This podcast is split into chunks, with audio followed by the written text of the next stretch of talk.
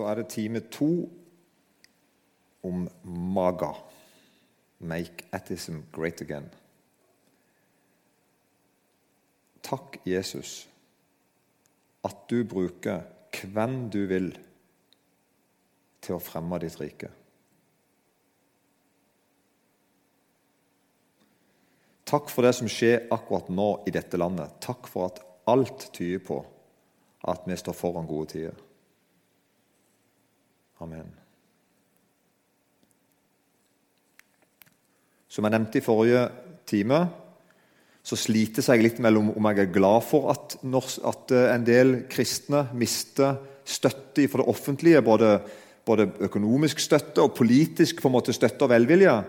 Jeg slites mellom å tenke at det er veldig trist, og til å tenke at jeg på en måte gleder meg litt over det. For Som, som vi viste til i forrige time, så så vi studier som viser at eh, i, i, eh, i miljø der kristne mister den type statsstøtte og, og, og, offentlig støtte, så vokser faktisk kristendommen. Og motsatt, der kristendommen blir veldig støtta opp, så forvitrer den.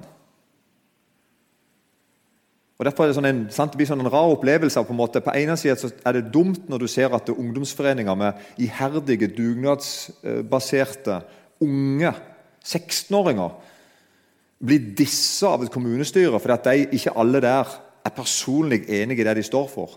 Og så holder de unna haugevis av penger og snakker stygt om det i avisen.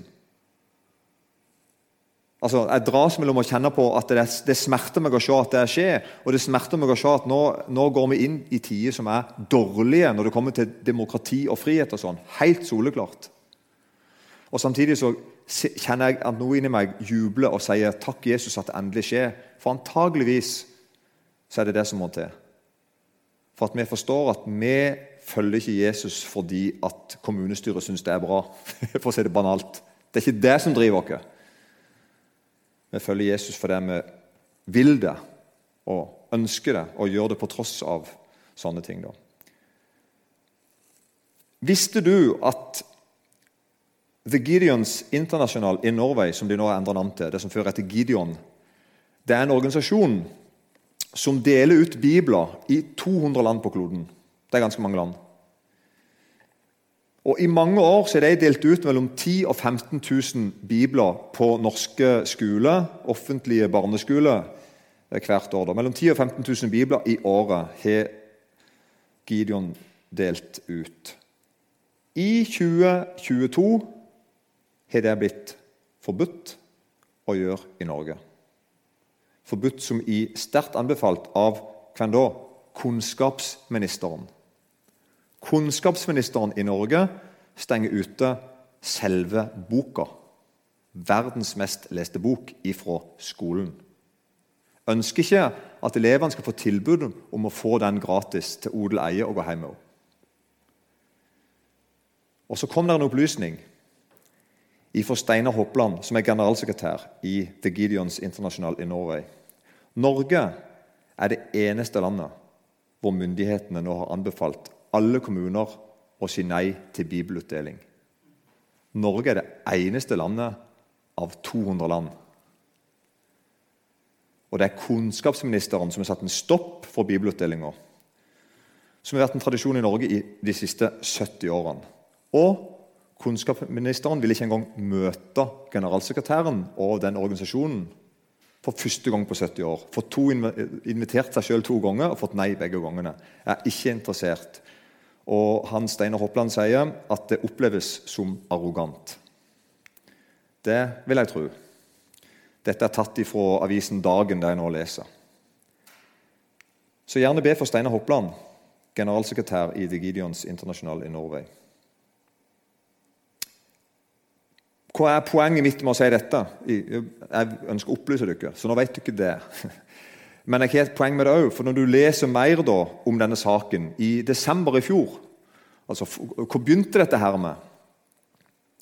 Og Da var det, da var det, at, at, Utdanningsdirektoratet, UDIR, de kom med en, en, ny tolkning av en del regler. Så det, nå siterer da, Den nye tolkningen er at Utdanningsdirektoratet eller UDIR da, anbefaler ikke at kommunen åpner for at religiøse organisasjoner eller trossamfunn dele ut religiøse skrifter eller gjenstander i form av gave til elevene. Altså, vil ikke dele ut Bibler. Det, sånn vil de nå forstå loven. Og Så opplyser da Dagen at hva var forløperen til at UDIR gjorde dette valget?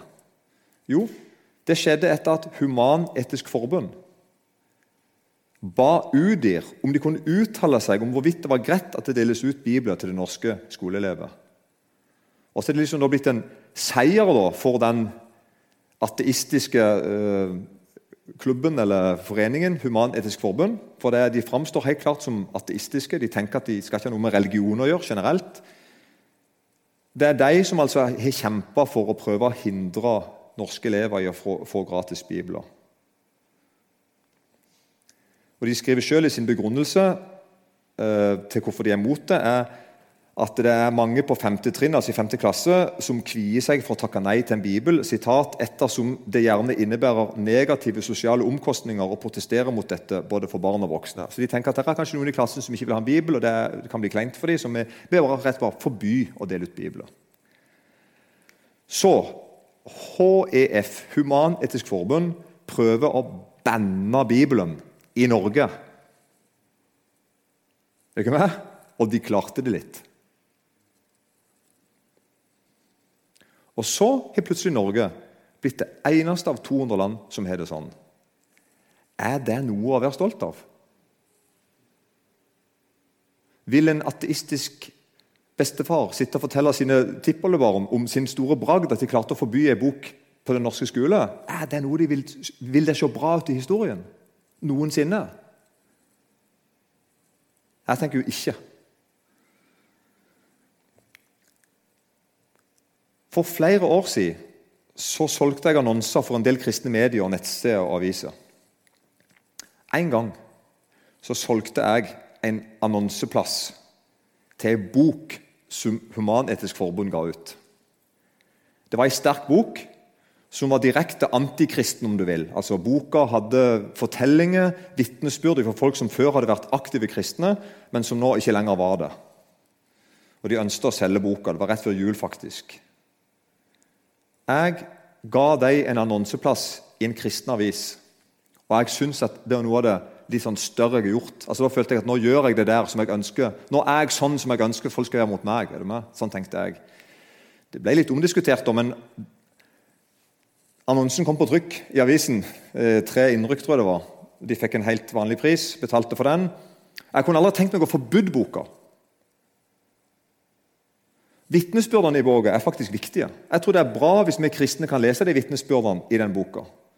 Og friheten i Norge er viktig. Altså Det at det er lov å gi ut sånn litteratur som stiller i dette tilfellet kristne organisasjoner og kristenliv i et negativt lys, et kritisk lys, den friheten til å gjøre det, den er viktig.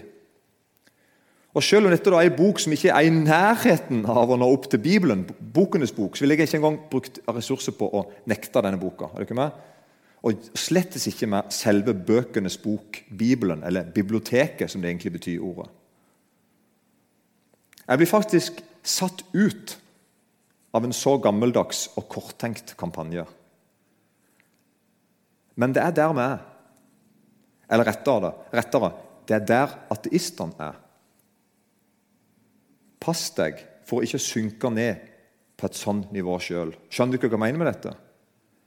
Det er livsfarlig hvis vi begynner å tenke at vi skal gjøre igjen. Bare vent til vi skal bestemme igjen. Da skal i hvert fall vi lage like kjipe regler for dere. Skal dere kjenne hvordan det er? Sånn, sånn, type tenkning den skal vi passe oss for. Og det er på en måte Akkurat nå, akkurat nå så er det litt her vi alle er, sånn totalt sett. Hele gjengen. Både de kristne og de ikke-kristne, om du vil. Altså både de som tror på Gud, og de som ikke tror på Gud.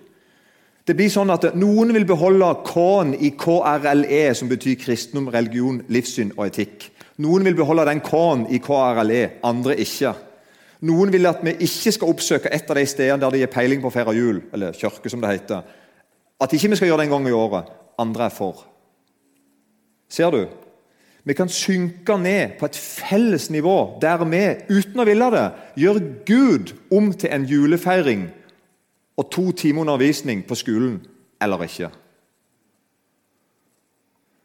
Og Hvis det å tro på Gud er sånn, hvis det er å tro på Gud, så skjønner jeg godt at alle skjermer unna både ateisten og den kristne. Det blir for dumt. Og så ender vi opp som noe imellom. Verken eller. Det er en fare. Og her må vi be om, altså, Selv om ikke vi har gode motstandere akkurat nå, så kan vi be til Gud om å få det igjen.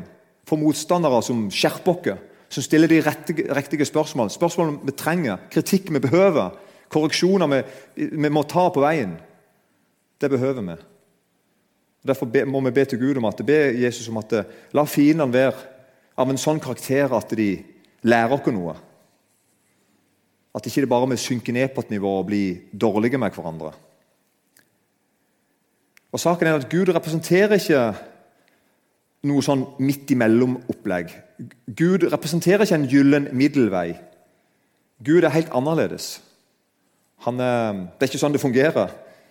Så faktisk I Korinterbrevet så sier Paulus i vers 8 eh, i kapittel 16, 1. Korinterbrev 16, 8, så sier Paulus i Efesus blir jeg etter pinse. Han har bestemt seg for at jeg vil være i Efesus, en stund til. For en dør er blitt åpnet for meg, stor og virksom, og det er mange motstandere. Er du ikke med på den? Paulus tøffer seg ikke nå. Paulus sier ikke noe som sånn, høres kult ut, men som tar en rennafart og sier noe tøft eller noe drøyt. Nei, Paulus mener det. Grunnen til at jeg vil være i Efesus, at her skjer det svære ting. Og en forutsetning, altså en, en konsekvens, en, en, en, helt sånn nødvendig eh, ingrediens i det at det skjer store ting i Guds rike, det er at det er mange motstandere. Og Derfor så kjenner jeg at jeg vil, jeg vil ha sånne store tanker. Jeg vil ha de der store tankene til Gud.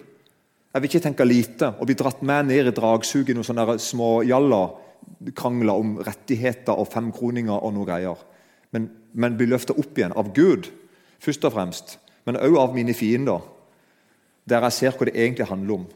Gud er mer enn julegudstjenester og kulturstøtte. Gud er Gud. I Efesus blir jeg til pinse, for en dør er blitt åpnet for meg, stor og virksom, og det er mange motstandere. Kjære Jesus, takk at du bruker hvem du vil til å fremme ditt rike. Takk for alle de folkene du bruker i Norge, helt uten å ville det. Og kanskje til mot deres vilje, så bruker du dem til å fremme ditt rike. Det priser jeg deg for. Jeg priser deg for at ditt rike alltid kommer til å gå fram, uansett. Jeg ber om at jeg må være en del av det. At ikke jeg må bli liggende etter på veien i en sur krangel om et eller annet uviktig.